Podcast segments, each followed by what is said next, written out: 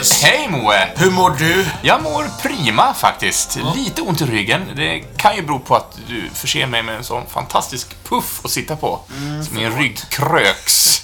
Men någon som sitter kanske lite bättre, det är Nils Nilsen här. Hej. Hur sitter du då? Jag sitter bra i din soffa. Han fick hedersplatsen. Den har jag aldrig fått sitt, sitta i. Nej, nej, men du är inte på. riktigt värd det. Vet. Nej, jag håller på att jobba med ditåt. Ja, välkomna ska ni vara till eh, Jens och Moes nöjeskryss. En quizpodd i kryssform och vi är inne på kryss nummer 24, facit och Vad eftersnacksprogrammet. hette det här krysset? Get a Grip fick den som undertitel. Och det är ju en skiva av Aerosmith. Just det. Det var den som var kohud på. Ja, det till och med kospenar och eh, sånt som man kan rygga tag i, säga. Hade du den plattan? Nej, Nej. jag har ingen Aerosmith. Ingen Aerosmith. Ingen alls. Eh, Vi, vi kommer ju gå in lite på vem du är sen, Nils. Ja. Eh, Men du får gärna säga lite vem du är nu ändå. För du, du ska få vara med här i vårt lilla facit. Vi Ja. ska ju gå igenom frågorna från förra veckan. Ja, men så, så vi hookar lyssnarna lite grann om vem, vem, vem vi har i soffan här med oss som vi ska prata med sen. Så, Vem är du, Nils? Åh, vem är jag? Jag är östgöte. ja, då så. Du Ja, lite. Så, spännande. Jag är musikproducent och musiker. Och eh, gör musik och producerar musik. Typ hela tiden. Det är det jag gör. Det är det du jobbar med Jämt. helt enkelt. Och ibland åker jag på turné och spelar med band. Och sen är jag hemma och gör musik resten av tiden. Ja, och ser häftig ut. Ja. Du ser väldigt häftig ut. Ja, inte nu. Nej, Men inte en skinnjacka och lite hårspray så... Ja, visst, då kan man ju rädda det mesta. Det har funkat sedan 80-talet. Eh, Ja, eh, men då så. Men vi kommer ju gå in lite mer på din, eh, ditt arbetsliv och ditt häng överhuvudtaget om ett tag. Mm. Men vi tar en liten jingle jingle och sen så, så kör vi lite facit på förra veckan. Och nu var det dags för dagens jingel. La, la, la, la, la, la, la, la, la, la. Sådär! Ja, ska vi klara av de här frågorna då? Det var, förlåt, du skulle säga något? Ja, hur i helvete börjar vi? Det tänkte jag säga. Ja, man, svordomar och starka ord för att Ja. inleda det här facitet. Ja, men vi tar väl fråga för fråga och sen så mm, återberättar vi frågan och sen så tar vi svaret. det Och till slut så har vi, så till slut har vi tagit oss igenom alltihop. Vi började med en jukebox som vi brukar göra. Och då lyssnade vi den här gången på Agnes Love Love Love, hon som slog igenom i Idol var det va? Och, det var det väl. Ja, och sen har skördat stora framgångar. Eh, men frågan var inte om vare sig henne eller låten per se, utan jag frågade, hon är ju förlovad, den här donnan, eh, med en kille vars far är, räknas väl till en av de större rösterna i Sverige. Och med större så menar jag i det, dess bordusa omfång. Och då är det ju Roger Pontare jag pratar med. Eller pratar, rolig pratar med. frisyr hade han Ja, också. någon form av frisyr. Men frågan var ju vad, vilket efternamn som hennes fästman och den här fadern delade och det är då Pontare som skulle in på loder. Tre, sju bokstäver långt. Ja, har du någon relation till, till Roger Pontare? Eh, Och hans det- frisyr. Ja, men den där låten han gjorde, Vindarna, Ja. visst, det är ju en fantastisk låt. Ja. Den åker ju på rätt ofta kanske? på, ja, men så här på nyår och midsommar och andra stora händelser. Men frågan är, skulle det vara okej om vi får ge en politisk vinkling? Hade man kunnat göra den låten idag och den hade fått sån genomslagskraft som den fick då? Ja, det Den tror är jag. ju, den är ju verkligen slå sig på bröstet och vara stolt för att man är av nordisk härkomst. Men det är inget rasistiskt i den, men den är ändå en, ett statement att man är stolt att vara den man är. Ja, men det kan man väl få vara. Ja, men och det var det ska man ju inte, få vara, men- var det inte lite snack om det redan på den tiden? Att det var lite så här, är inte det här lite too much? Men det är skitsamma, det är en svinbra låt. Ja, ja kanske. Okej. Man behöver inte kritisera musik alldeles för mycket. Sen hade vi en liten term. Ja, Och nästa precis. fråga där. Vågrätt 7, åtta bokstäver. Ja, vi sökte den musikaliska termen när ett musikinstrument framförs utan att vara förstärkt på elektronisk väg. Vad skulle du gissat då? Jag hade gissat rätt. Ja, Tråkigt nog bara akust, aku, akustiskt. Att, akustisk. Akustisk. Du skulle på vågrätt 7 då, åtta Det var inte bokstäver så långt. krångligt. Nej. Sen så plockar vi fram en gammal DVD-film, hur hyllan här. Slängde in den i DVD-spelaren. Ja, men jag tänkte på det, finns det Blu-ray? Måste de är väl också döpta? Ja, det tror jag väl. Jag har ingen Blu-ray. Nej, inte jag heller när jag tänker efter. Jag- Det är bara streamingtjänster som går hemma hos mig just nu. Men i alla fall, några DVD-kapitel har jag kvar i bokhyllan hemma och vi slängde in en sådan och då sökte vi en svensk film. Eh, s- där man kan hitta bland annat dessa tre DVD-kapitel och det var ju En rejäl show, Bränner kiosken och Benny överdriver. Och då Det var var en, Kops! ja, en film på fem bokstäver. Visst. Benny är en av de där poliserna som vill vara lite mer Hollywood action-snut och bränner kiosken är det största som händer i det där lilla samhället. Eller till, det är de, eh, soptunnan utanför kiosken är den som brinner tror jag och då larmas polisen dit. Vet du, jag har inte sett Kops. Jag har inte sett Cops. Nej. Jag såg den så här... Jag vet, när kan den ha kommit? 15 år sedan? 10 år sedan? Ja, någonstans, någonstans däremellan. Fyra, Ja. någonstans där. Ja, jag såg den nog 14 år för sent då. Men jag tyckte den var ganska rolig. Ja, men den är lite små, eh, små, små charmig. Ja. Eh, ja, sen Ja. hade vi en jukebox-fråga. Jajamensan, det... Lodrätt 8, sex bokstäver. Ja. Och då sökte vi ett land. Ja, och då kan man ju peta in nästan vilket land man vill, höll man på att säga, utan att ha någonting att gå på. Men i vilket land är kunskapen lägst? Jo, Kanada. ja, Okej, nu måste jag samla mig lite. Det var riktigt dåligt.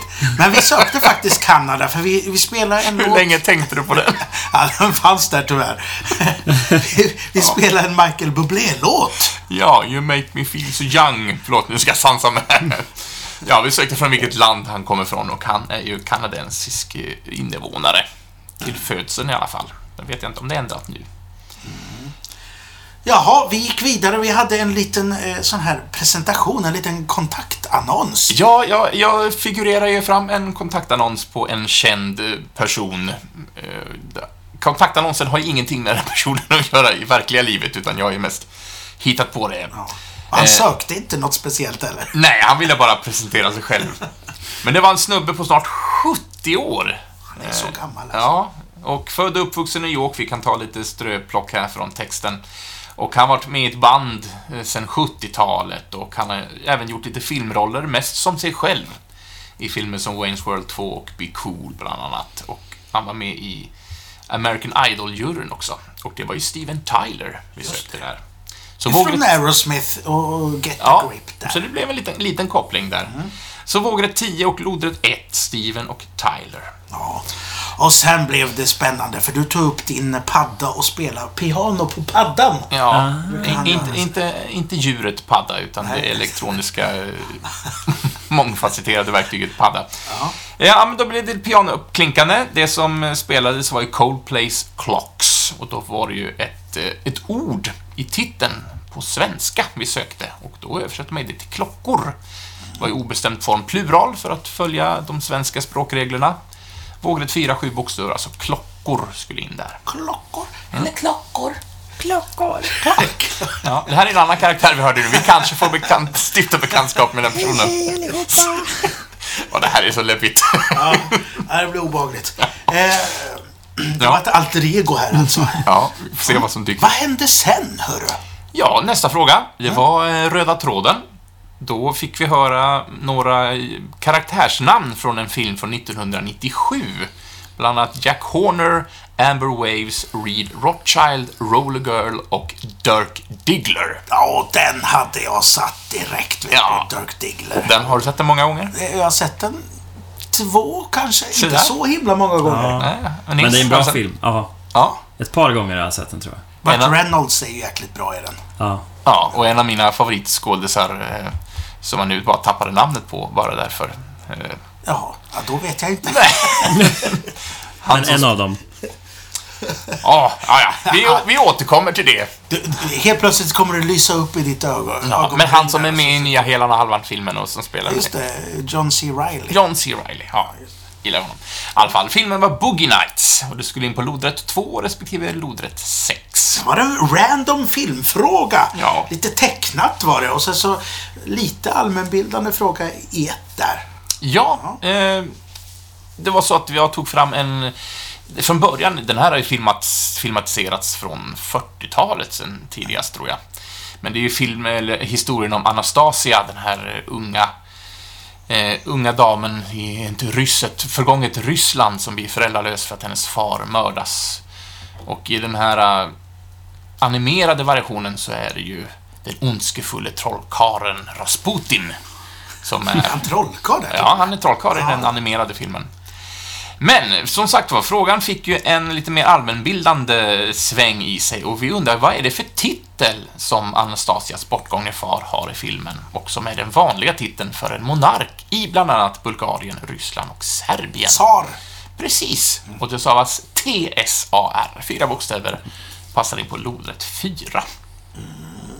Sen knäppte vi igång eh, TV-tablån eh, och där sökte vi förnamnet på en barn-TV-karaktär som också har haft en egen julkalender. Och det var ju Allram. Allram Est.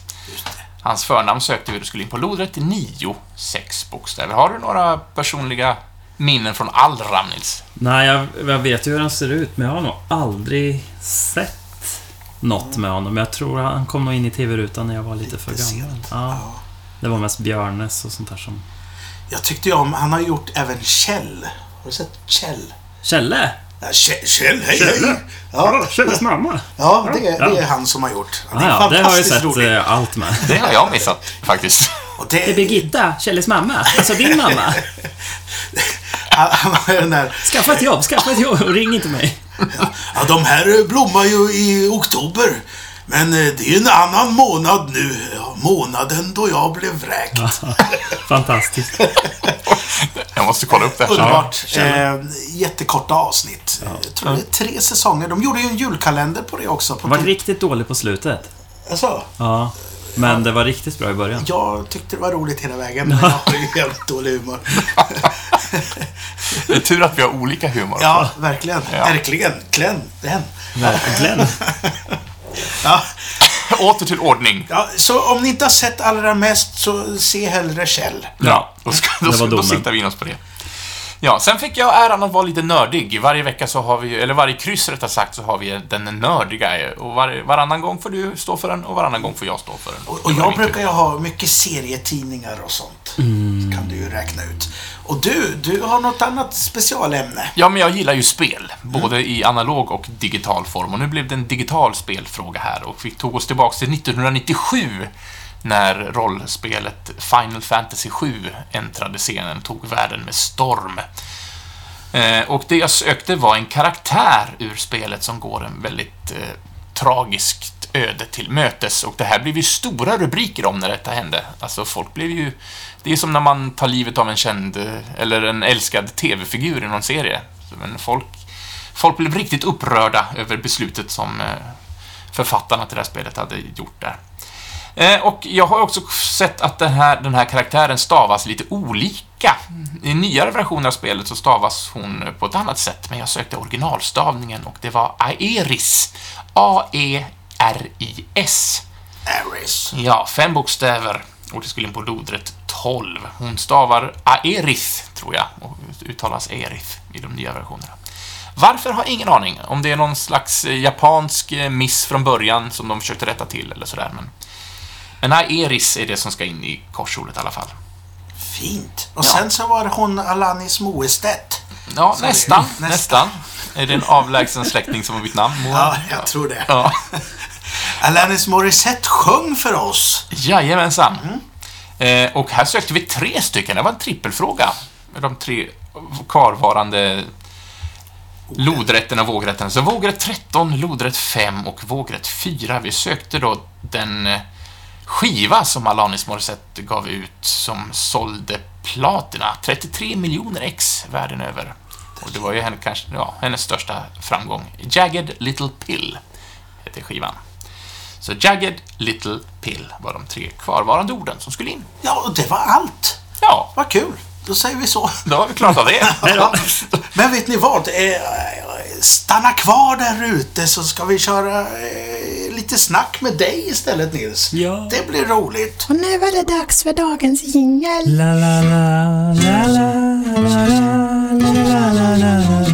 Ja, då tar vi och presenterar vår gäst lite mer ordentligt då. Mm. Nils Nilsen, säger jag rätt då? Ja. Ja, eh, ja Ja, men så det var inte Nilsson, utan det var Nilsen. Nils Nielsen. Nils Nilsen. Ja. Och Nils säger många. Nils Nielsen. Jag Blir rätt. det, blir det Niels på engelska? Då tar man bort s. De är så här, Jag vet inte varför amerikaner inte kan säga s i slutet på ett namn. Då blir det Neil. Du, du, Neil heter, Nilsson. du heter Neil alltså? Neil Nilsson. ja, och det är många kända Och- musiker som Ja. har haft det namnet, så det kan Och, och så stavar de så N-E-I-L. Så Ah. det blir liksom alltid fel på alla fakturer och allt. All. Så du får aldrig betalt? Det jag vara bra på. Hur kan du leva på det här alltså? Ja, jättegång. Ett namnbyte är kanske Ja. att sikta på. Jag får ha ett, ett amerikanskt... Eh, en amerikansk star eh, liksom, eh, profil så här, när jag är ute och kör rockmusik. Då får jag heta Neil Nilsson. Neil. Ja. Yeah! Nej men, eh, och det är danskt. Men du har inte bott i Danmark något va? Nej, det är farfars gamla namn från Ålborg var han. Ah. Eh, så farsan föddes ju i Sverige fast, fast, fast eh, var ju dansk medborgare. För han fick ju pappas medborgarskap. Och sen så har det hängt kvar och så, ja. Så på den vägen är det. Och den vägen är det. Men du, du är inte uppvuxen i Danmark utan du är uppvuxen i Åtvidaberg. Ja. Ja, precis. Detta lilla fantastiska metropol i Östergötland. eh, Men, men det är det ju lite grann. Re- Rent musikaliskt var det rätt så mycket som hände där. Eller var det helt dött när du växte upp liksom? Nej, det var... Alltså, på då tidigt 90-tal var det ju mycket punkband. Mm. Och lite metal kom ju in där också. Men de var ju då i min stora systers eh, generation. Alltså födda 70... 77 till 80 typ. Mm. Så jag var på mycket så här punkspelningar i, i en källare. Ja, och, och det var ju liksom det coolaste jag hade varit med om. Så jag ville också ha band.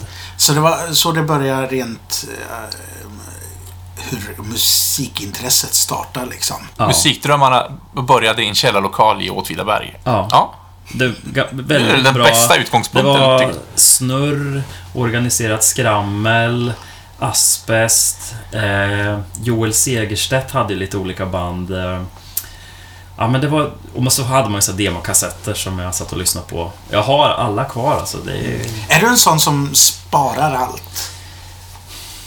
Ja, sådana grejer sparar jag. Mm. Men typ eh, skivor och sådär har jag börjat typ lämna in på musik, skivaffärer att ni säljer de här. Ni, ni behöver dem bättre än vad jag behöver. Det är någon stackare som måste få inspirationen som Ja, värt det mer än mig kanske. Jaha, nej men eh, så, så då började du spela i band redan då? ja precis. Och så... Det fanns något som hette elevkonserten på skolan. Och då kunde man... ehm, Jag tror det var innan påsklovet så fick man eh, sätta ihop någon grupp och så fick man köra och så fick man tävla tror jag. Mhm. med någon jury och publik. och då kunde man vinna och få spela in 10 timmar i en studio. Så det var vårt mål. Så vi var med i två band. Inferior, som var ett power metal-band. Yeah. Och vi vann, faktiskt. Så Ja, grattis! Ja. Och sen ha- så hade vi ett till band som hette... Eh, det hette någon Accept-låt eller Judas Priest-låt. Jag kommer inte ihåg vad vi hette. Vi kom tvåa. Då körde vi en, en cover på Paranoid med Black Sabbath. Men var det samma år som ni spelade mot varandra? Ja. Man, man fick vara med om man hade lite olika medlemmar. Så att vi spelade lite olika instrument Så- jag för mig. Så Åtvid som musikstad var inte så stor Nej, ändå? nej, men det var så här, du vet. Sex bidrag, alla var tvungna att gå dit. Men då vann vi tio timmar i studio, Guja studio som fanns här i stan. Men jag har inte utnyttjat dem än. Nej. Så det skulle vara kul, skulle vara kul att åka till Guja studio, spela in tio timmar och sen bara, ja men nu ska vi fakturera, fakturera Alléskolan i Åtvidaberg. Skriv elevkonserten 96. Det är underbart. Men, men Det måste ju bara göras. Men, men tio timmars studietid, det är, alltså idag, eh, det är väl det är ett jäkligt bra pris om jag... Ja, då var det nog, alltså... Då var det nog kanske ännu mer sådär exklusivt att komma till ett ställe med liksom mikrofoner och ett riktigt Då, mixerbord. då var det ju verkligen ett studio. Det, man kunde inte göra så som det är här. Att vi Nej. satte upp lite mickar och Ja, då var det ju... Det var ju... rullband. Jag fattar inte varför vi inte utnyttjade det. Nej. Men ja. Ja, det Nej, men det är aldrig så. för sent som sagt. Nej. Och, och, och jag misstänker att du är ju sån där som spelar med folk rätt så länge. Så du spelar säkert med några av dem fortfarande som du spelade med då? Är det så? Ja, faktiskt. Eh, nu ska vi se vilka vi var. Det var ju Rickard, Henke och vi spelade ju ihop jättelänge. Och sen var det ju Otto. Det var väl vi fyra först tror jag. Och även om vi inte spelar i samma band nu så, så gör vi musik ihop och så fortfarande. Och det är ju ändå... Ja, det är ju 20 år sedan. Alla är fortfarande eh, verksamma liksom inom... Ja, mer eller mindre. Rickard han spelade ju i Ghost Mm. sen och Otto har ju ett death metal-band som fortfarande gör skivor och Bellinger Ja men han har gjort massa musik med mig och han jobbar eh, som lärare ute på en eh, eh, Folkis nu i Norrköping. En musikproducentlinje. Så att alla håller ju på. Men, men det gänget som du pratade om där, ni blev ju senare vad heter det, Rock'n'Roll va? Ja. Ja. Och ni höll ju på ett bra tag. Ja, alltså vi hade band från vi var 13, 14 och sen upp till 20 kanske. Mm. Och sen så ska ju folk plugga och Ja, lumpen fan. och resa och backpacka och ja, hela den där biten. Så, men sen så började vi spela när vi var så här 23, 24 igen kanske. Mm. Höll på i några år. Tänkte att vi skulle bli rockstjärnor. Blev inte. I Eh, mitt hjärta Vi så sågs faktiskt förra sommaren Alltså, och eh, repade Sansui-låtar och vi kom faktiskt ihåg i, säkert fyra stycken. Sansui Rock'n'Roll var fantastiskt. Fin- Finns det på, på någon Spotify eller något? Eh, just nu inte, men det är för att jag håller på att flytta om min katalog. Mm. Men det, vanligtvis finns det där. Ja. Det ja, men det finns några goa bitar. Ja, visst. Visst. Jaha, nej men eh, det var det. Men eh, under tiden då så började du spela in folk som inte bara var du själv, eller?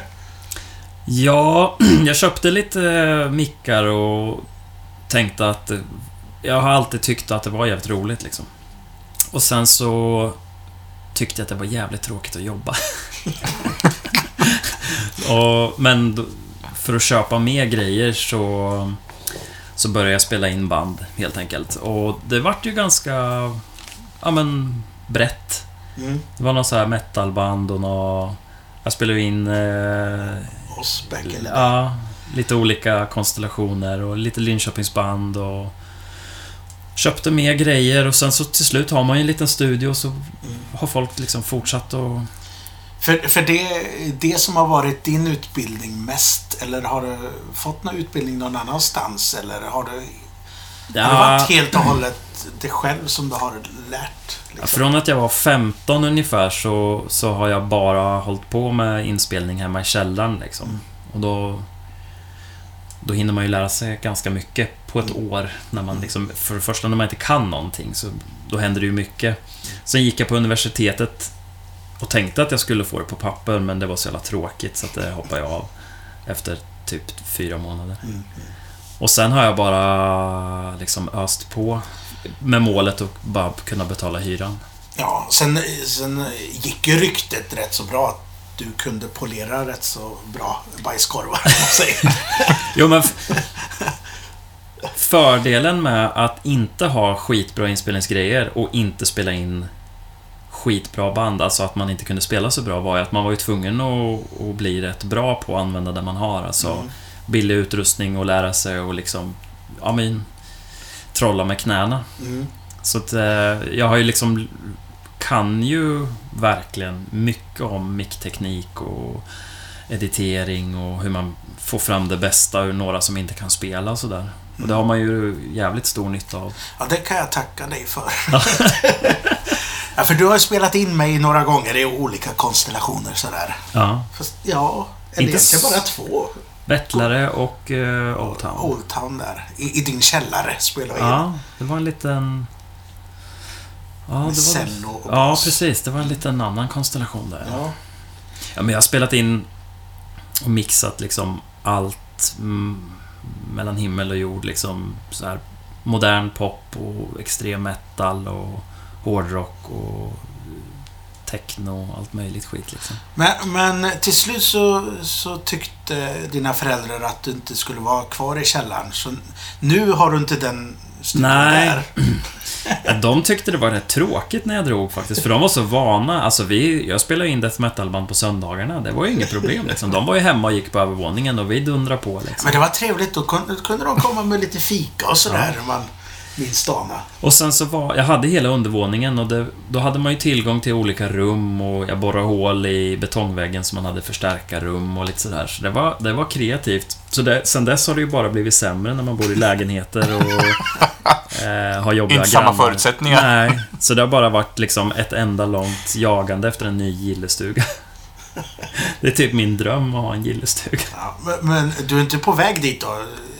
Ska Nej, köpa hus? jag ska flytta hit faktiskt. Till Linköping? Ja, Jaha. Ja. Hit till mig? ja jag ska flytta in Ja, här. men vad trevligt. Då blir det ännu trängre. Ja, men Nej, jag- det Men också låter bättre om den här lilla studion. Ja, men jag har ju bott i Linköping eh, i massa olika lägenheter och haft lite små studios och sen har jag flyttat till Norrköping och sen flyttat tillbaks och har flyttat tillbaks till Norrköping. Där har jag bott nu ganska länge. Men nu eh, ska jag och min sambo och min hund flytta hit Ja. under våren. Trevligt. Mm. Vad bra. Men, eh, ja, för, för du har ju lite sådär eh, koll ändå på studios som du brukar vara i. Som Ja. inte är hemma liksom. Precis, jag har, jag har en, eh, en hemmastudio där jag mixar och gör mitt så här, dagliga jobb. Liksom. Det är smidigt och ingen hyra och inget, Nej. inget tjafs. Liksom. Men jag hyr ju in mig när jag måste spela in trummor och väsnas. Och då är jag ju i två studios här i stan, Mm. i Linköping. Då, I Secret Location och eh, Gardenia. Gardenia som ligger runt kröken här. Ja, Ja. Secret location låter jobbigt att hitta till, men. Mm. Det ligger på en privat gård faktiskt, så vi, vi håller det lite hemligt. Men Ja, det är ett jätteschysst ställe på landet strax utanför här. Mm. Så där spelar vi in ganska mycket. ja, jag har aldrig kommit dit. Ja, vi, vi lägger ut GPS. Ja, Vi lägger ut koordinaterna sen i, i infotexten till avsnittet. ja. det. Men, men eh, det var lite din historia om hur du började producera och sådär. Ja. Men kan du inte vara sådär cool och namedroppa lite vad du har producerat? Alla tuffa grejer som jag har gjort som Mm. folk känner igen. Eh, vi kan börja baklänges då. Det senaste som jag har gjort, då hjälpte jag Markus Krunegård med en låt, kanske till och med öppningsspåret på hans nya skiva, Mm. som heter Har den kommit ut? Ja, Mm. så också i Finspång, heter den. Passande, för hela min släkt kommer från Finspång. Du håller det kvar i Östergötland Ja. Så han har jag lärt känna genom åren, bara genom lite så gemensamma bekanta. Så vi gjorde en låt hemma hos mig. Men han bor väl i Norrköping fortfarande va? Nej, han bor i Stockholm. Han gör det? Men hans föräldrar tror jag bor där. Så han är nere. Eh, och sen har jag spelat in Ghost eh, några gånger och jobbat med dem jättelänge. Och de är ju... Ja, de var ju inte så, de var inte så stora när jag började med dem, men Nej. nu är de ju väldigt stora. Två Grammy-nomineringar och spelar med Metallica. Jag vet inte hur mycket större man blir. Ja, det är, det är häftiga saker på meritlistan. Ja, och med dem har jag ju fått... Eh, då har vi ju gjort skivor som verkligen har liksom, ja, men de har sålt bra och streamat bra. Så att där har vi en Billboard etta på mainstream rock, tror jag. Och en också- eh, svensk Grammis och en guldskiva har jag fått med dem då. Och den har du med dig överallt eller? Ja. Jag har den alltid för att bara kunna flika in att Ja, där kolla är på den mig, kolla Vad fin mig. där. Nu blev jag lite bländad här faktiskt. Ja men det är så här. Man jobbar ju lika mycket med, alltså man får ju jobba lika hårt med dem som ett lokalband. Men ett lokalband kommer ju liksom aldrig streama 35 miljoner gånger. Nej. Så att det är ju, man får ju mycket gratis när man liksom åker in. Man är ju ett team när man jobbar runt så här stora band. Eh, så det är inte jag som har gjort att det har gått så bra, utan man har varit med på, på det tåget. På ett litet hörn liksom. Och så, Lite, ändå lite blygsamt, tycker jag. Lite av känns det som att du... ja men, någonting tillför man ju, det är därför man får fortsätta liksom. Ja, ja men det är det Så jag menar. Och, och så jag är ju... Jag är ju det har ju varit en, en jävla resa just från att komma från nästan ingenting till att, att det Mm. blev så jävla stort. Då. Och få se det från alla vinklar. Och så spelar jag med In Flames. Eh, oftast på somrarna, lite då och då. Jag hoppar in och spelar keyboards. Och. Så, sommarjobbar med Moog. Ja. ja, men de, när de kör så här jättestora konserter och stora scenbyggen, då, då är jag med och, och kör. Jag är inte fast medlem eller sådär, men eh, det är ju ett, ett schysst extra knäck att få spela för Det- så här det låter 200 väl- 000 pers. Ja, det kommer låter som det. Ja, men var det för förra sommaren så jag tror jag fick ett, här liten MS...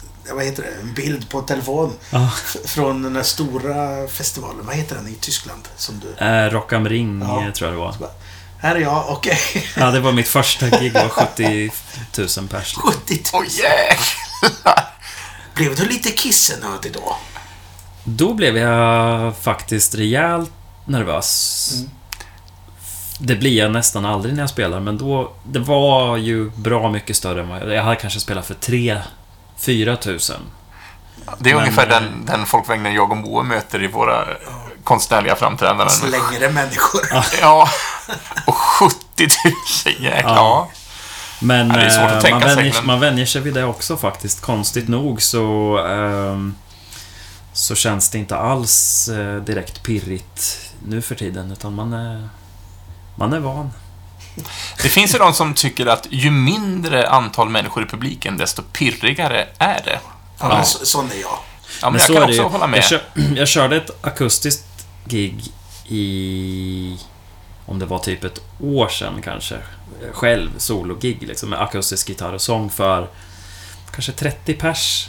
Och då har jag inte spelat själv på ganska länge utan jag har kört så här 150 gig inför jättemycket folk. Och jag var ju mer nervös för det gigget än de där 150 giggen ihop. Mm. Faktiskt. Men då blir ju varje deltagare i publiken blir ju en individ och inte bara ett stort folkhav. Ja, ja. Man inser där ganska snabbt när man spelar för mycket folk att lika små som de är, lika liten är jag. Ja. För, liksom, för dem och även om det finns stora skärmar och sådär så är ju fokuset är ju på någon slags helhet. Det är ju inte på, på mig, kanske på sångaren då liksom. Men, Ja. men det är häftigt. Ja, det är fräckt. Mycket. Det, var, det är en upplevelse som jag liksom inte trodde att man skulle få vara med om. Nej, just det. Men det är med In Flames som det har varit så mycket. Ja, Eh, har du... Men mitt egna band, Mm. Dead Soul, vi har ju spelat, vi har spelat mycket förbandsgig och sådär. Och då har vi spelat Lisebergshallen, det är typ 3 500 kanske. Och eh, Annexet i Stockholm. Annars är det ju mycket klubbar, 1000, 1500. Och sådär. Mm. Men det är, det är nästan det roligaste sizen, för då ser man. Folk. Och då kan man spela lite mer med folk. Ja, man kan gå fram till Ja. och liksom ge dem gitarren och... Ja. Och inte spela. Ja, inte spela. Det är så Och bara tjäna pengarna. Vad härligt. Ja, nej, men, men gött. Har du något mer om, om, om livespelandet där? Nej, alltså jag har inte så mycket egna referenser eftersom jag inte eh, själv är musiker så som ni två är. Så jag försöker hitta vinklingar till, till teaterlivet. Eh, men jag kommer inte på några just nu, så att vi kanske återgår till det när Ja. min hjärna har fått processa Men jag tanken. kan säga en sak i så fall. Det är ju också att när man spelar de här stora konserterna, då är det ju mer en, en föreställning som går i en liten tidsklocka. Att man gör det man ska vid varje given tidpunkt. Ljuset blinkar alltid likadant. Man, eh, där är det ju regisserat. Medan när man spelar mindre gig så är det ju mycket mer Även om man kanske kör samma setlist så är det ju mer av, utav en improvisation. Ja, och mer impulser. Liksom. Ja. Där spelar ju dagsformen större roll. Alltså om man... Ger man mycket så får man ju mycket tillbaks. Men om, om man står på de här jättescenerna så... Ja, rent teoretiskt kan man ju klinka sig igenom ett gig utan att det liksom spelar så stor roll. Mm. Bara man spelar där man ska så är man hemma liksom. Just det. Ja, men då, då har vi tittat lite på din producentroll sådär. Har du någonting nu som du producerar? Som du kan säga? Eh, jag jobbar ju med ett band som heter MCC. Som är också från Linköping. De har jag... De spelar jag med live också. Men jag primärt egentligen pro- producerar Mm. och hjälper. Så vi håller på och jobbar på musik eh, och ska försöka göra en skiva. Så det ligger liksom i, under det här året och så Ja, Dead. Soul ska göra en ny skiva eller något nytt i alla fall. Och, Mm. eh, Sen så får vi väl se. Jag spelar in ett band från Nyköping nu som jag som inte var några bekanta alls utan bara hörde av sig som heter We Could Build an Empire. Yeah! Mm. Storhetsvansinne Eh, alltså. Ja, lite grann sådär. Det är bra. Men de är sk- skitbra, jättetrevliga. Vi har haft en tredagars session. Svinkul, asbra musik, jätteduktiga musiker, fantastiskt eh, inspirerande faktiskt. Mm. Så det är, det är lite av varje. Ja, för det är alltid så att det dyker upp hela tiden. För du, du är inte så att du inte har någonting att göra liksom. Nej, det låter som att du har fing samtliga fingrar på händerna upptagna i, i lika många projekt. Ja. Får jag bilden av liksom. Ja, och om jag inte gör någonting åt någon annan så gör jag ju solo musik. Jag har ja, ett solo, alltså Nils Nilsen bara. De släpper skivor och sen har jag precis startat ett, ett litet band som heter Danger Cove som ska bli någon slags rockmusik. Mm. Och sen har jag ju Dead Soul och om det inte är det så kan man ju alltid byta strängar på gitarrerna. Just det. Ja, Behöver det, aldrig gå händelselös helt eh, enkelt. det, Danger Code, det såg rätt skumt ut för ni skickade ut en liten eh, teaser på det. Mm. Man blev lite mörkrädd så här. Vad är det som händer? Ja. Ja, men det, det ska bli lite kul att göra någonting där man kan bygga upp en värld som inte handlar om mig. Som inte bara... Jag, jag skriver inte bara från, från saker som, som kommer inifrån, utan man tar ett grepp på ja, vad det nu är man vill ta ett grepp på. Mm. Och skriver om det. Och det har jag aldrig riktigt gjort, så att det här är liksom lite nytt för mig också. Mm. Det ska bli kul. Cool. Och så vet jag att du har gjort rätt så mycket, vad ska man säga, musik till TV och så, eller? Alltså, har du fått in grejer i program, eller är det inte sådär? Och halka in på ett bananskal egentligen på det där, för jag, jag gör så jävla mycket musik själv då. Mm. Och då... Och jag gör elektroniskt och jag gör med akustisk gitarr och med fullband och instrumentalt och allt möjligt. Det finns liksom inga... Jag gör bara det som råkar bli. Mm.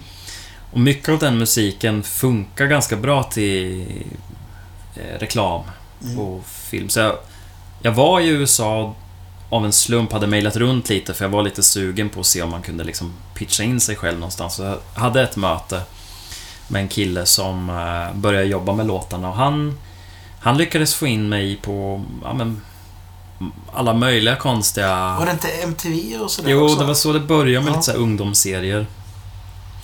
Och sen var det lite reklamfilmer. Och sen har jag skrivit till lite reklam.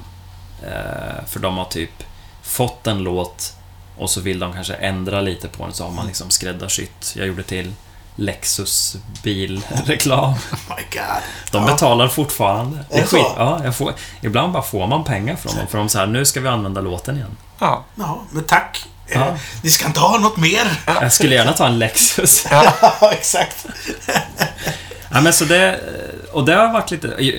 Ibland kan jag höra på YouTube liksom att man eh, sitter och kollar på något och sen så liksom kommer ens egen musik på. Det är ganska bisarrt. Surrealistiskt liksom. Ja, det har faktiskt hänt. Vänta, det här har jag hört förut.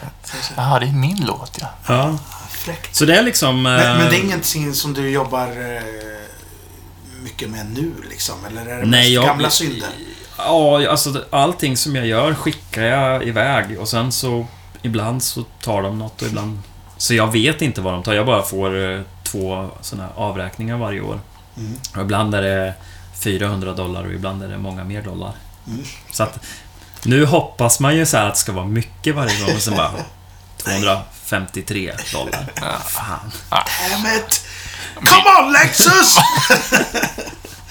Men det är också lite kul för att musiken jobbar åt den när man själv inte jobbar med den liksom. Mm. Det är bara... Det är som en låt man gjorde för tio år sedan helt plötsligt blir aktuell. Och så får man pengar för den. Mm. Som jag satt och gjorde. Ja, men, ja, Men, men ni, har, ni har en, alltså här i Sverige har vi ju STIM och sådär som bevakar upphovsrätten och sådär. Men du har någonting i USA som håller koll på dina låtar Ja. där. Liksom. Ett företag i Seattle. Som, eh, ja. Det är de som skickar pengarna. Ja. Jag hoppas det stämmer. Ja. Men jag läste någonstans att Stings låt eh, Every Breath You Take ger honom i royalties, ett x antal tusen dollar om dagen. Ja. Får han bara på den låten, som bara, bara ständigt tickar in på hans konto. Men om man läser vilken så här självhjälpsbok som helst eh, och som när det handlar om att man ska strukturera upp sitt liv och hur alltså, folk stressar så jävla mycket. Och sen så, så läser man någon bok om eh, hur man ska driva företag, att man kanske ska ta sig ur ekorrhjulet, så handlar det om så här automatiserad inkomst. Och musik är ju egentligen grymt på det. Om man kan få till en katalog som, som bara tuggar. Mm. Och där är ju Spotify faktiskt rätt bra för att en såld skiva är en såld skiva och sen får du ju inte mer pengar för den. Nej. Men nu är det ju ändå så att även om det är väldigt lite på Spotify och folk gnäller på det Så liksom. tickar det, så liksom. tickar det ju. Så för varje dag som går så tjänar man ju ändå lite pengar. Och sen om du utan får- att ha får- svettats någonting. Ja, och får du sen en, eh, en bump då, kanske får en låt som är lite mer populär, så rinner ju det ner på de andra. Så, så det, det, det kan ju bli rätt så bra om man har tålamodet liksom. Så det... Ja. Ja, jag gör mycket musik. Ja, det, ja, men du har ju alltid varit väldigt produktiv. Ja, Alltså, det, ja det- någon bokstavskombination har jag väl. Ja, jo. Ja, Det går ju inte att hänga med dig för länge för det blir bara jobbigt. Ja. men har den här, den här produktiviteten, kommer det, från, kommer det från någon i familjen eller är, är du liksom... Ja, Ja, du förstår frågan. Ja, absolut. Ja, men, alltså, jag kommer ju egentligen inte från... Syrran spelar ju musik just, så det var ju så jag halkade in på det. Eh, Farsan är elektriker, mamma, syster är lärare från början. Eh, Men vi är ganska lika, vi, vi går in ganska hårt för det vi gör. Vi har ju Mm. ganska många i familjen som har blivit utbrända. Och det säger väl något om, eh, om hur vi funkar liksom. Mm. Men, ja, men vi är ganska engagerade tror jag. Eh, sen är det så svårt att jämföra sig för man känner ju bara sig själv och sin familj så Såklart. bra. Men jag, jag tänkte lite på det förut när jag åkte hit att jag gör ju inte så mycket annat, så det är inte så konstigt att det blir mycket. Om du går till ett, ett heltidsjobb och sen har du kanske familj och sådär, då har du inte så många timmar per dag. Men jag har ju 10 timmar per dag till att göra musik. Eller, Ja. eller mixa. Och då är det klart att det blir ganska mycket då. Men då är du rätt så bra på att strukturera upp din dag. Alltså schemamässigt. Eller? Ja, jag är lite så här periodare. Jag, numera strukturerar jag upp det för att, för att jag ska jobba så lite som möjligt så att jag vet när jag är klar med en dag. För, förut så jobbade jag jämt. Och då var man ju aldrig ledig och det är Nej, inte bra heller Ja, liksom. men det där, det där känner man ju igen sig i. Man, man vet inte när man är ledig. Nej. Och när man är ledig så går tankarna i alla fall i jobb och, och Ja, rätt som det så hittar man sig själv att man sitter och pysslar med någonting som, nej, nu jobbar jag i alla fall, fast jag lovade mig själv att jag Exakt. inte skulle göra någonting idag. men... ehm, ja, men jag är. Just nu är jag inne i en sån här period när jag är sjukt ostrukturerad och har ingen koll. Ja, kommer 45 minuter för sent hit liksom. Ehm, mm. Nej men... eh, men jag, fördelen är ju att man... Alltså, att ha eget. Jag har haft eget så länge nu, men så man går på en, en egen klocka. Man går upp... Jag går ju liksom upp ungefär samma tid, men jag sätter aldrig klockan. Och jag går och lägger mig ungefär samma tid, men jag har inte någon speciell... Nu är det klart, utan... Man får in sina timmar och så länge liksom hyran går att betala så är jag nöjd. På något sätt. Men vi har producentbit eh, och, och du spelar. Mm. Eh, keyboard eh, och gitarr har Ja, vi nämnt. Eh, har- Är det andra instrument som figurerar i ditt... ja, sjunga gör jag ju också då. Ja, Ja, och så Eh, sång. Och så spelar jag väl bas, tycker jag om att spela. Det tycker jag är väldigt roligt att spela. Jag är väl inte så här... Jag tror inte jag har sett dig spela bas. Nej, jag har inte spelat bas offentligt så mycket. Ja. Jag, jag, Puka spelar du ett tag också. Ja. Jag ville egentligen spela trummor. Mm. Och där har jag faktiskt tagit lektioner och sådär. Men det är, jag har inte riktigt eh, jag har den nästan. Jag kan liksom... Jag skulle väl kunna kompa mig igenom något ganska enkelt sådär. lite. Så jag kan ändå spela trummor bättre än kanske gemene man. Men, eh, men det är jag lite så här avis på folk som verkligen har det. Som, som kan liksom frikoppla armar och ben och bara sprattla och så blir det skitbra. Jag blir... Det låser sig lite. Ja. Men att du skriver musik har vi också pratat om, men texter, är det texter också inbakat i det, eller? Ja. Ja. Och det tyckte jag inte om alls, men det var ett nödvändigt ont för att jag... I början sjöng jag inte. Och ville absolut inte sjunga, men... Då måste man ju hitta folk att jobba med och det tar tid och jag skriver så jävla mycket så att då, då blev det så att... Och nu tycker jag att skriva text är nästan det roligaste. Både på svenska, det har jag precis börjat med, med mest på engelska. Eh, Jag tänkte att vi skulle gå igenom lite av projekten eh, ef- efter den här jingeln som vi kommer köra. Ska vi ta den nu kanske? Ja, vi, vi kör det. nu, så får vi en liten andningspaus och så fortsätter vi. Och nu var det dags för dagens jingel. La la la, la la la la la la la la Jaha, men du Nils.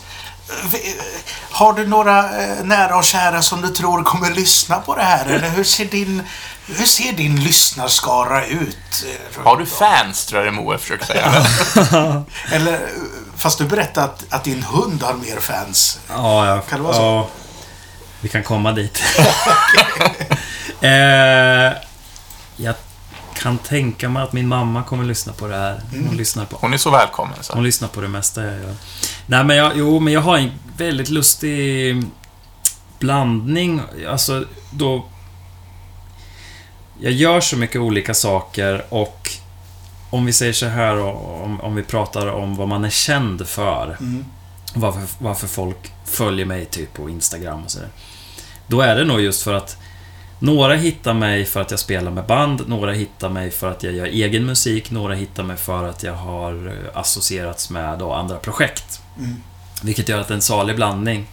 Och sen så ibland så kanske de tycker att man är ball när man gör en grej och helt oball när man gör solomusiken. För jag spelar Varför med... gör han det där för? Ja, men liksom jag spelar i så här metalband och mixar hårdrock och sen andra stunden så släpper jag så här lustig indie-pop liksom som...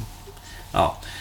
Men så, så jag har ju massa följare från USA och, och från ja, massa länder i, i Europa liksom. Och så har jag, jag har en fanclub och sådär så att... Eh, Tänk om Eh. man, när, den dagen man kan titulera sin egen... Ja, men min fanclub har eh, tyckt Ja, alltså jag, det börjar med att jag, jag har en, en fanclub i Chicago som eh, någon eh, har startat. Så då... Eh, och sen har jag liksom på Bandcamp Mm. startat så att man kan gå med i en fanclub verkligen. Så här. F- Får de sådär eh, som i Fantomenklubben för litet så här, diplom? Men jag har tänkt att jag ska skicka ut Ja. det. Det heter Flying Foxes eh, Secret Society. Jag förräver lite av din... Ja, det är, och det är de här människorna som har har hookat upp på den här räven som jag använde en gång på en skiva och så tycker de väl att den representerar mig. Så det har blivit liksom min lilla logotyp. Är det att du är slug eller att du har två utgångar från hemmet? Eller vad är det som gör att det där... Eh, Ja, du. Jag vet inte. Vi låter det vara osagt. Slug vet jag inte om jag är, men... Nej, men så, så det är ganska kul. Jag brukar ha... Om jag är med i någon sån här intervju och så, så brukar de alltid översättas till... till så ni kommer nog ha lite internationella Ja, lyssnare, tror. Våran utlandsstatistik kommer att skjuta i höjden Ja, på, på Skicka Podbean. över den sen får jag se. En peak, en massa Spanien-lyssnare här. Ja, men så... Är det något speciellt land som... Sådär, oväntat land? ehm, Liechtenstein. liksom. nej, men jag har ju varit i de flesta europeiska länderna och spelat med Dead Soul. Och nu med eh, In Flames också då såklart. Eh, så jag har ju... jag brukar alltid sälja merch när vi kör med Dead Soul, så då träffar man ju folk. Mm. Det blir ganska personligt så här.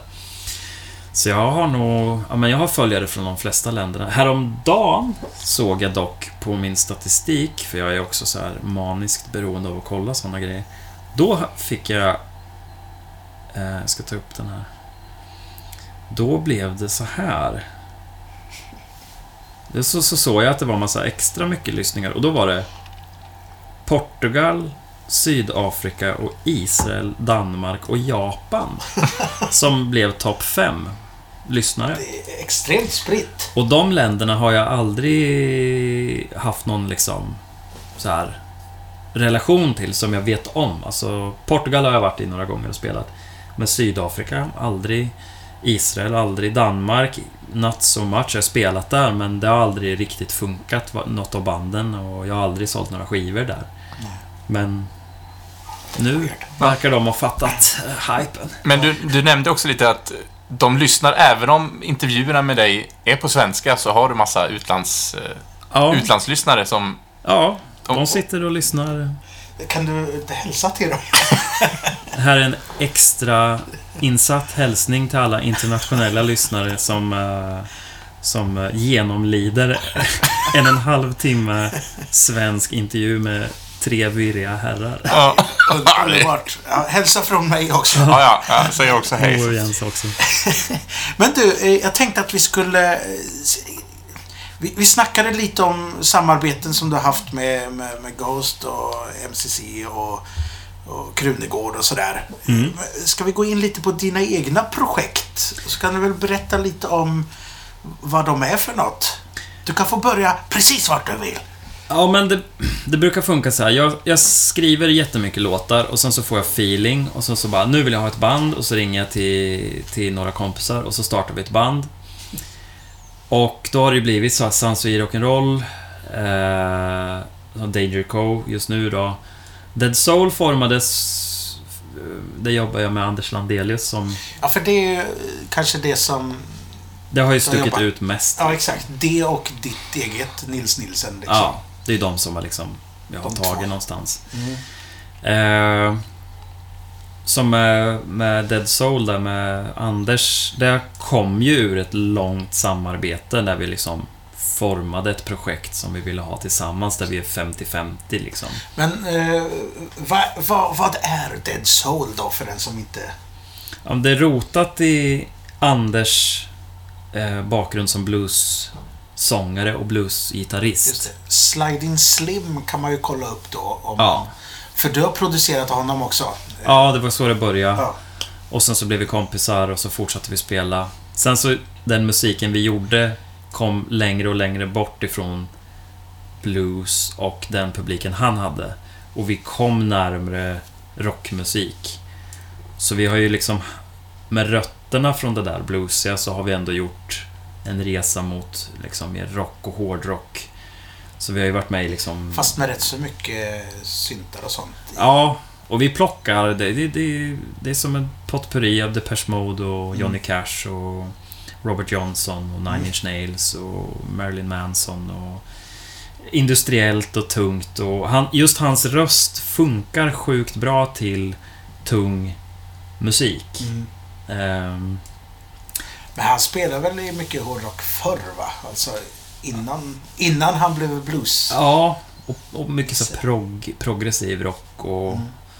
och han kommer ju från så här Metallica-bakgrund, alltså lyssna på sånt och uppväxt med, med thrash metal och Motorhead och hela det där.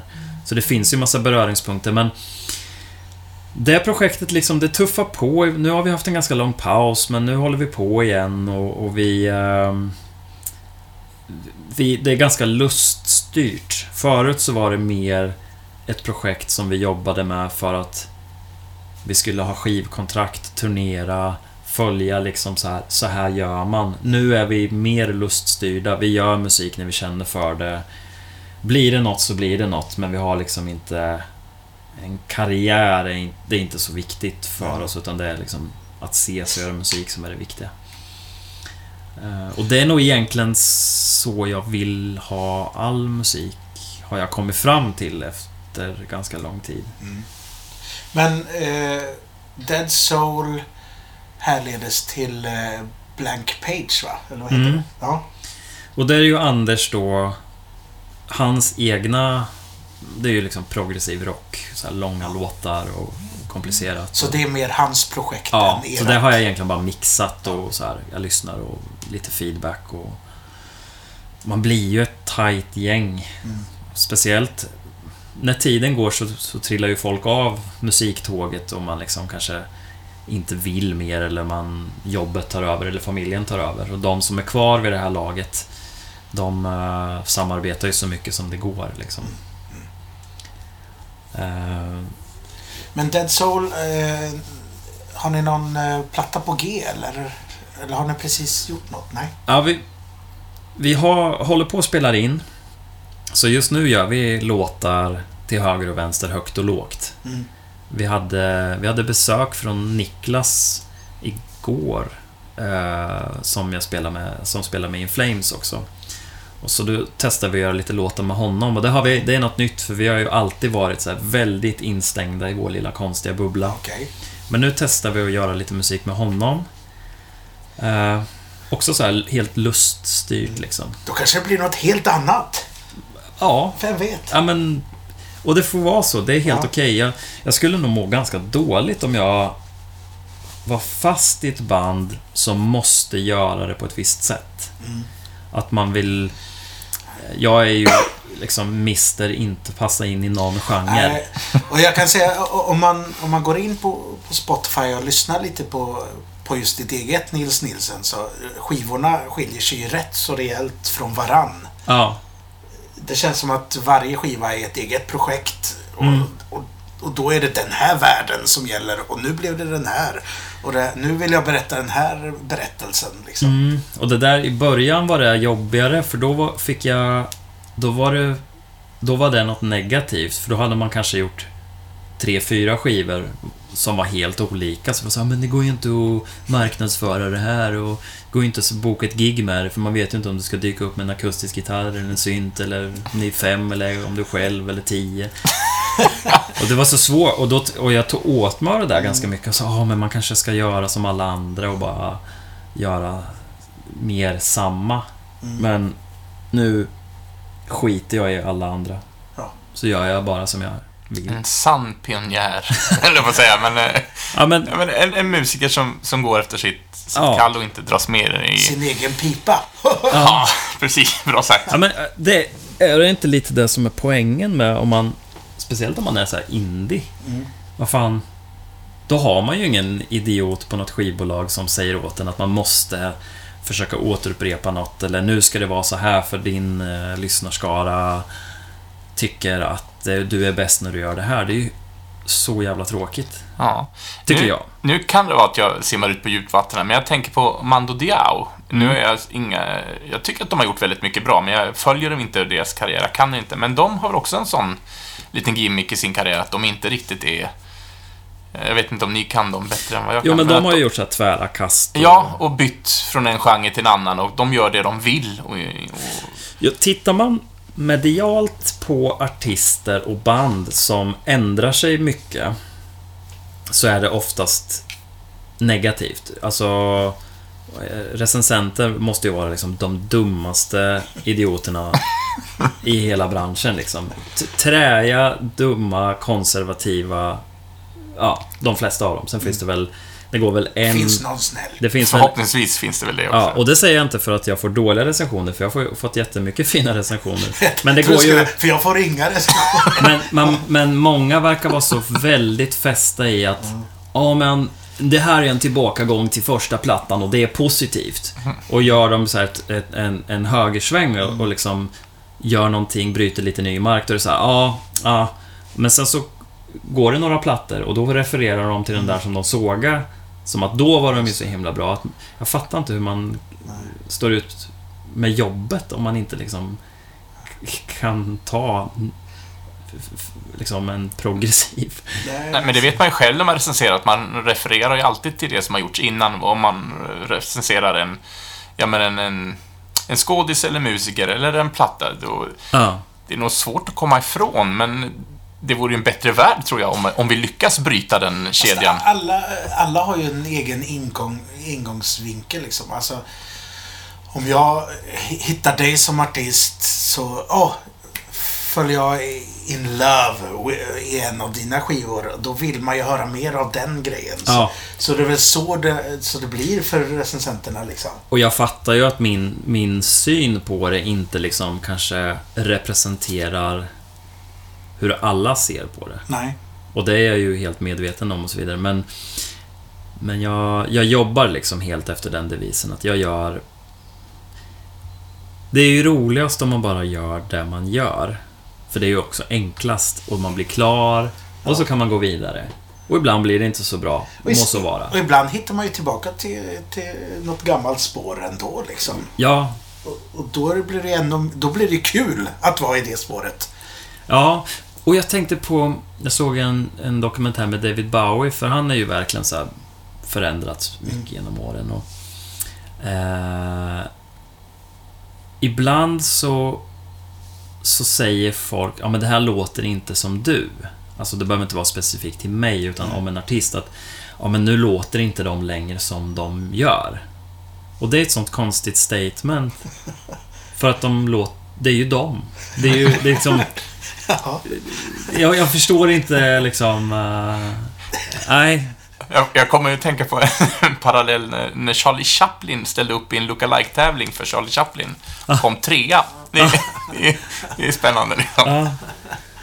Men, Ja, men ja. jag, förstår, jag förstår tanken. Men, men eh, annars är eh, artister som du ser upp till de kanske faller in i den follan också. Ja, men så, lyssnar du...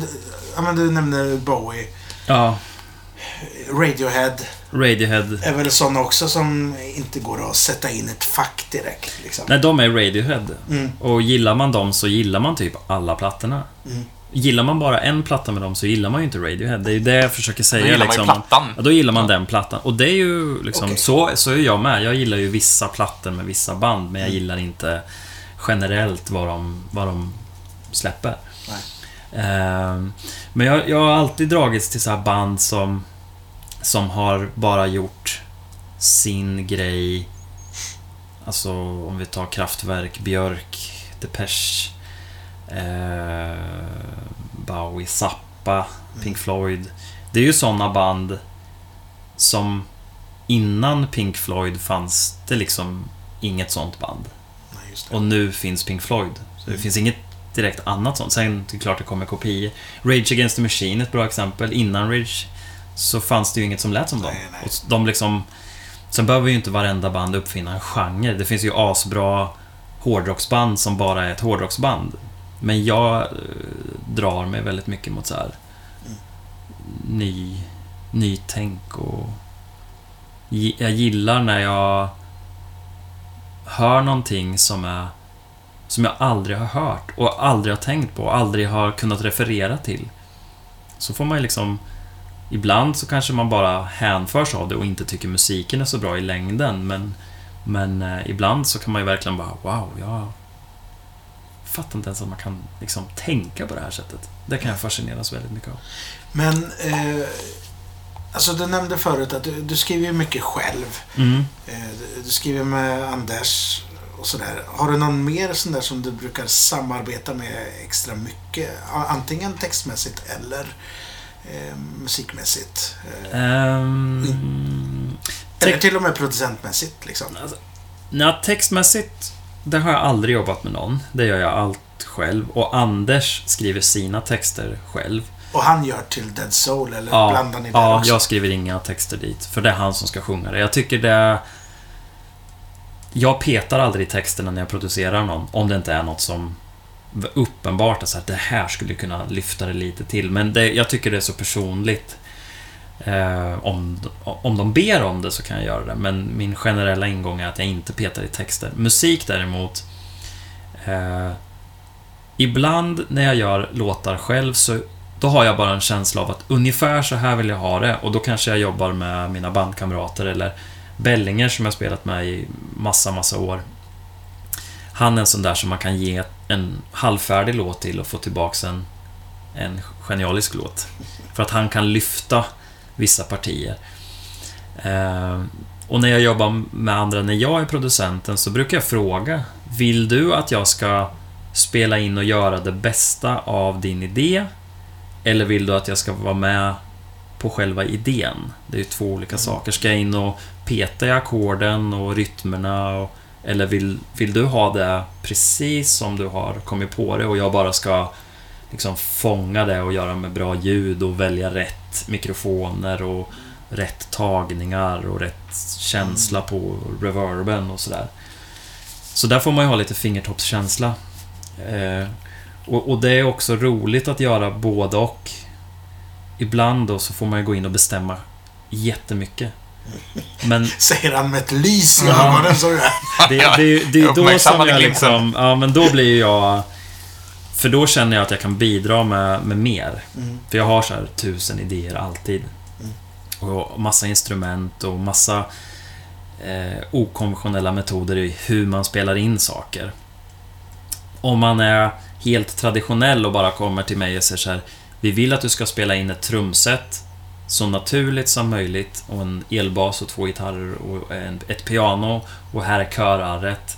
Då kan inte jag bidra med lika mycket. Då kan jag ju sätta upp mikrofoner och säga att vi ska ta det här en gång till. Då eller- blir du mer en inspelningstekniker. Ja, En bra sån, men... Ja, det är också... Det är roligt i sig, men det, det är ju klart roligare när man liksom... När man pratar färger och känslor och, och, och målar och liksom... Det, det är ju den kreativa biten i mitt jobb. Den mest kreativa biten och det är det som är roligast tycker jag. Mm. Jag tänkte på, eh, ja men du, eh, vi snackade ju lite Dead Soul förut. Eh, ditt eget, alltså du skriver ju hela tiden såklart. Men har du någonting eh, till Nils Nilsen som projekt? Kommer det någon platta snart? Är det på G eller liksom? Mm, jag har... Jag jobbar så här att jag skriver på lite olika sätt. Jag har en kassettbandspelare där jag spelar in. Old school! Precis ordet jag skulle använda, Ja. men du var han före. Och, och då skriver jag text på papper och spelar in. Och sen så har, jag- då, så då har jag en, en, ett häfte med låtar som...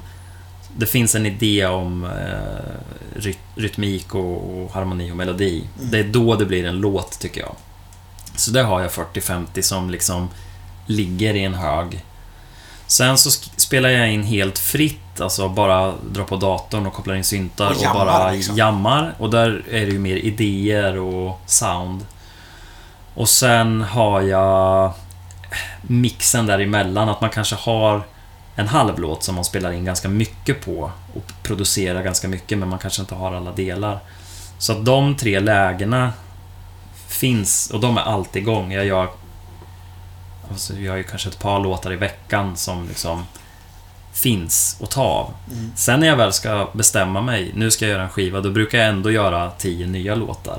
Och kanske ta någon från banken. Så den där backkatalogen börjar bli ganska stor. Jag har en vision om att jag ska liksom... Att jag ska inte ha en hög och bara ha släppt allting. Men jag hinner inte. Blir att flytta tillbaka till föräldrarna, känner jag här, och ta Ja. det källa, källarplanet till besittningen. Ja, Ja, Det blir en box sen. Eller en box. Ja. Flera ja boxar. jag tror jag är på skiva 13 nu. Och jag har fyra egentligen som jag håller på med. Eh, men som sagt, allt är ju inte bra, allt ska man ju inte släppa. Men det, vi får se. Jag ska försöka göra en, en eller två plattor i år och sen Danger Co eh, blir liksom en, eh, en platta med nya grejer som, som... Jag ska försöka klura ut exakt hur jag ska göra det där. Det känns som att eh, Danger Cove är det projekt som du ser mest fram emot nu. Jag är lite trött på det här Nils Nilsen solo, samma, samma, samma. Så Mm. det ska bli... Det är liksom... Samma, samma som inte är samma. Men, Nej, exakt. Men det, är, det följer samma mönster Ja, och, och liksom jag marknadsför det ganska dåligt, eller extremt dåligt. Det, det är jag är inte ute och spelar med det. Det är bara en outlet för att liksom ge ut skivor och Mm. skapande processer. Eh, Danger Co tror jag blir... Det blir en satsning under ett tag, man gör någonting och sen så kommer det att vila. Mm. Och då kommer jag vara sugen på bara skriva massa låtar igen. Ja. Allt går i Ja, vågor. ja, visst. Det är som en... Det är som livet, vet du. Ja. Vad är det han säger, Stephen King? Att eh, livet, eh, det är som K. Alltså, Det är som ett, eh, som ett hjul som går runt. Ja, Eller som du har sagt Moe, livet är en tävling min vän. Ja, ja den kommer sen. Jaha. Jag, jag såg en, ehm, en dokumentär om Kjell Höglund för inte så länge sedan. Och då... Jag kände igen mig jävligt mycket i hans sätt att se på skrivande. För han var också väldigt produktiv ett tag. Och han beskrev det som att han vill ha det blanka bladet, få ner någonting, sen vill han liksom vika ett pappersflygplan och, och kasta ut genom fönstret. Och sen får det landa lite vart det landar. Det, det spelar inte så stor roll. Sen vill han bara börja på nästa blad. Eh, och han jämför då som eh, Frank Sinatra. Ja, men han står ju bara där och sjunger My way, my way varje kväll och upprepar samma jävla skit varje kväll liksom. Och det där... Det, ja, jag kände verkligen igen det. För att, att spela live handlar ju just om att återupprepa. Samma, samma, samma. Ja, men eh, jag vet ju att det var därför han inte tyckte det var så kul att spela live. Och det var därför han aldrig lärde sig texterna utan till. Han hade ju alltid en... När han spelade live, eh, Kjell Höglund, han har alltid texterna i en stor perm. Ja. För att han sket ju i... När när han var färdig med texten, då hade han ju lämnat den. Ja. Så därför kunde han aldrig lära den sig igen. Nej. Men, men jag tänker på det att, att vilja spela... Om man ska spela för en publik och om, om man är ute efter det här, för det, det blir liksom lite det grunden det bygger på, att, att få en fanskara för att man... Vi, vi måste ju få in pengar. Mm. Tyvärr. Även om många konstnärer skulle vilja ställa sig utanför den bubblan, men det handlar ju om det. Men att, ska, att upprepa det, för att har man hört det på skiva och ser artisten live, då vill de ju uppleva det de har hört på skivan och då kan man inte vara ett annat output. Nej. Det är därför jag inte spelar live. Nej, nej men... Men, men det är faktiskt helt korrekt och jag är noga med att särskilja på saker och ting där när man är, har det tänket alltså, vi måste få in pengarna och göra det, alltså tänka kommersiellt kring ett band eller en... Som ni En- gjorde med Dead Soul Ja, då. då, måste man ju spela med de spelreglerna, så är det ju bara. Sen kan man ju eh, tänja lite på dem och sådär och... Eh, jag har ju valt att ställa ganska stor del av mitt musikskapande helt vid sidan av kommersiell framgång liksom.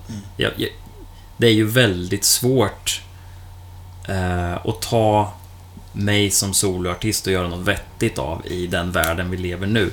Men jag tjänar ju mer pengar på min solokarriär än på mina kommersiella försök i rocksvängen i alla fall. För att jag hittar andra vägar. Och det har jag kommit på nu på senare tid. Det är för att jag har hållit på länge. Jag gör mycket. Man har den här katalogen, Spotify tickar på. Även om det inte är så mycket streams så är det mycket låtar. Och alla har ju lite streams. Så man säljer till lite reklam och sådär. Och den kommersiella inslagna vägen då. Eh, släpp en skiva, åk ut, eh, turnera ihjäl dig, eh, hem och gör en ny skiva liksom. Det har ju en tendens till att bränna ut folk och man tappar kreativiteten. Så jag vet inte om det är långsiktigt hållbart. hållbart i alla fall. Sen kan du ju ha den här boomen att du tjänar massvis med pengar om du får en så här megasuccé då. Men vi som håller på med rock, vi vet ju att det, det är liksom inte... Vi letar ju inte efter en hit, utan man försöker göra bra album med en bra karriär. Så. Men som soloartist, jag tror du kanske upplever det med, liksom att... Eh, som har skrivit så mycket att... Jag tänker ju att jag fortsätter ju släppa skivor som mig själv Mm. forever liksom. Men ett band kan ju komma och gå. Det kanske är visst. kul i fem år och sen är det slut med det. Men jag har ju släppt egna skivor sen... Min första skiva som jag släppte, den gjorde jag när jag var 15. Den gjorde jag massa kopior och sålde i skolan Mm. liksom. Och jag har ju hållit på med det i ja, över 20 år. Har jag Jo, ju... för, för det måste ju ut.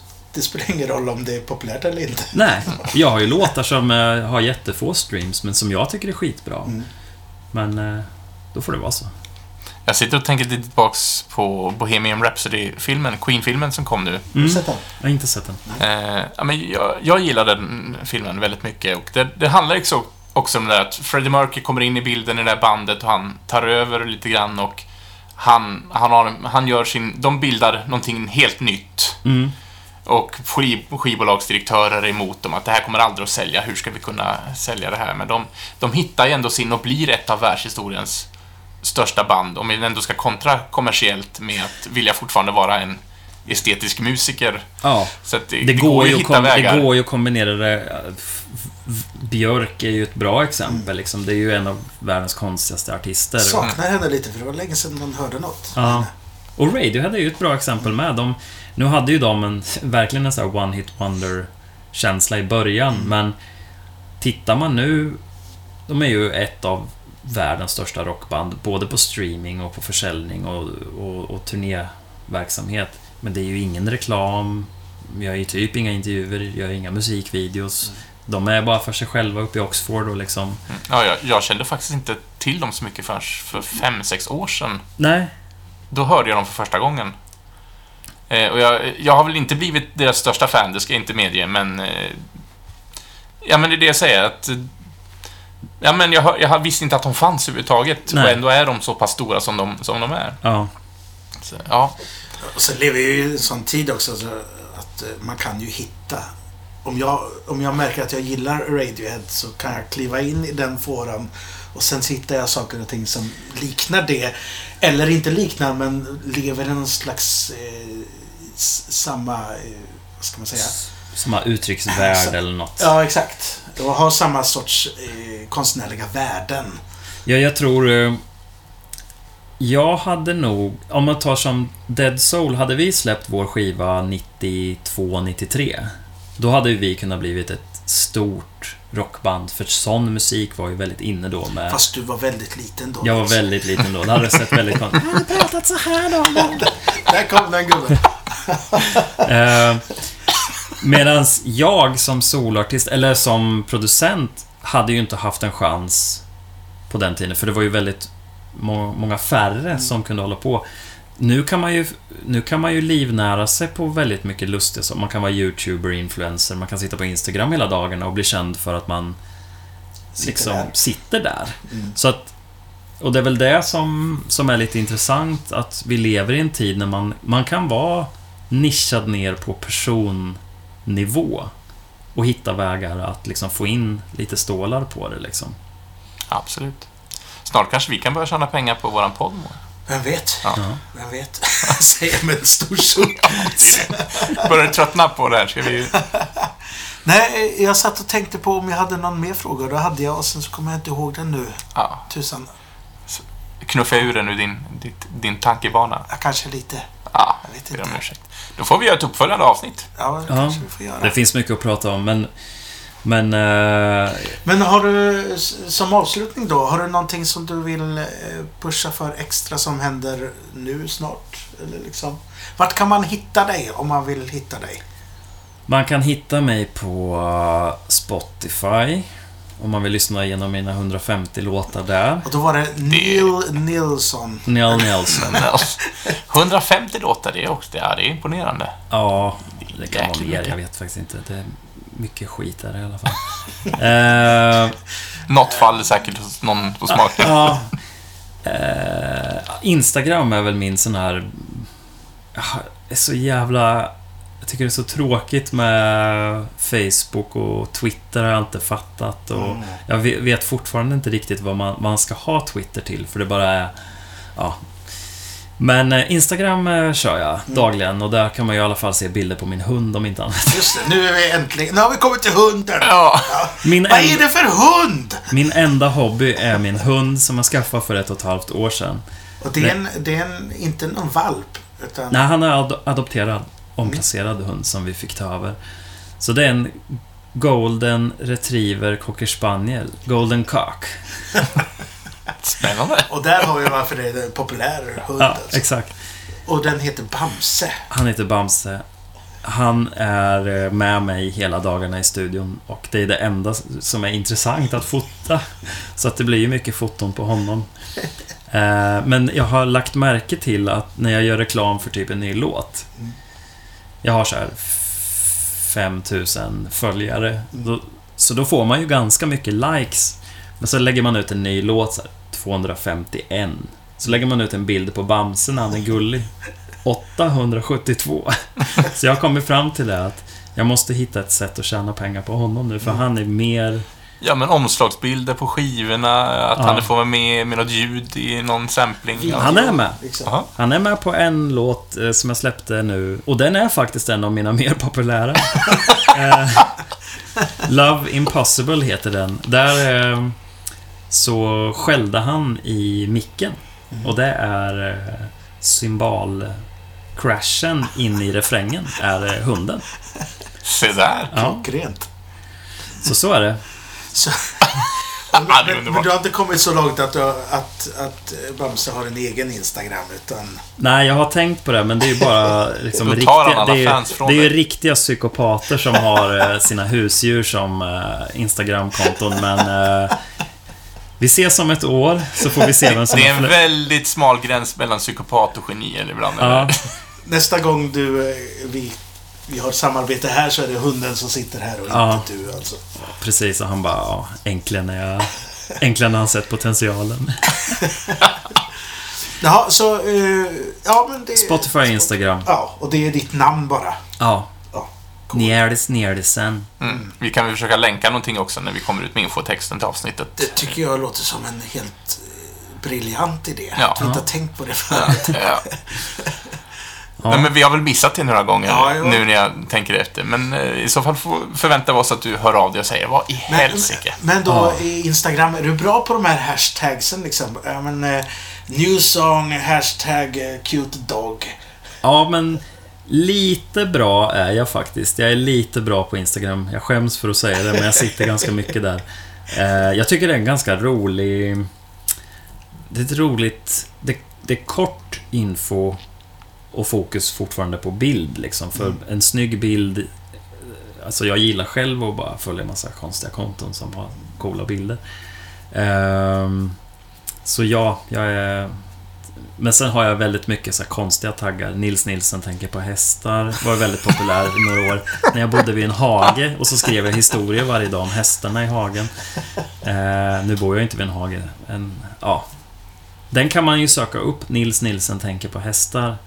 Det var faktiskt min mest populära hashtag 2014. Jag får fortfarande... Jag blir taggad ganska ofta på bilder när någon av mina följare har sett en häst. Mm. Och så... Ja, Nils Nilsson tänker på hästar och så taggar de mig. Ah, underbart. Ja. Så det, så det finns rätt så mycket hashtags efter den här tiden. Ja. After the golden horse age. ja. Ja, nej men du, ska vi dra ihop oss här? Det är, Ja, nog, nu- det är nog läge för det. Nu känns det som vi har knutit säcken med, med, med alla hundar och hästar. Det har varit eh, jättekul att ha dig här Nils. Ja, kul att vara fantastiskt trevligt. Ja. Jag ska se om jag klarar nästa kryss. Jag Ja. tror inte det. Jag kunde två frågor.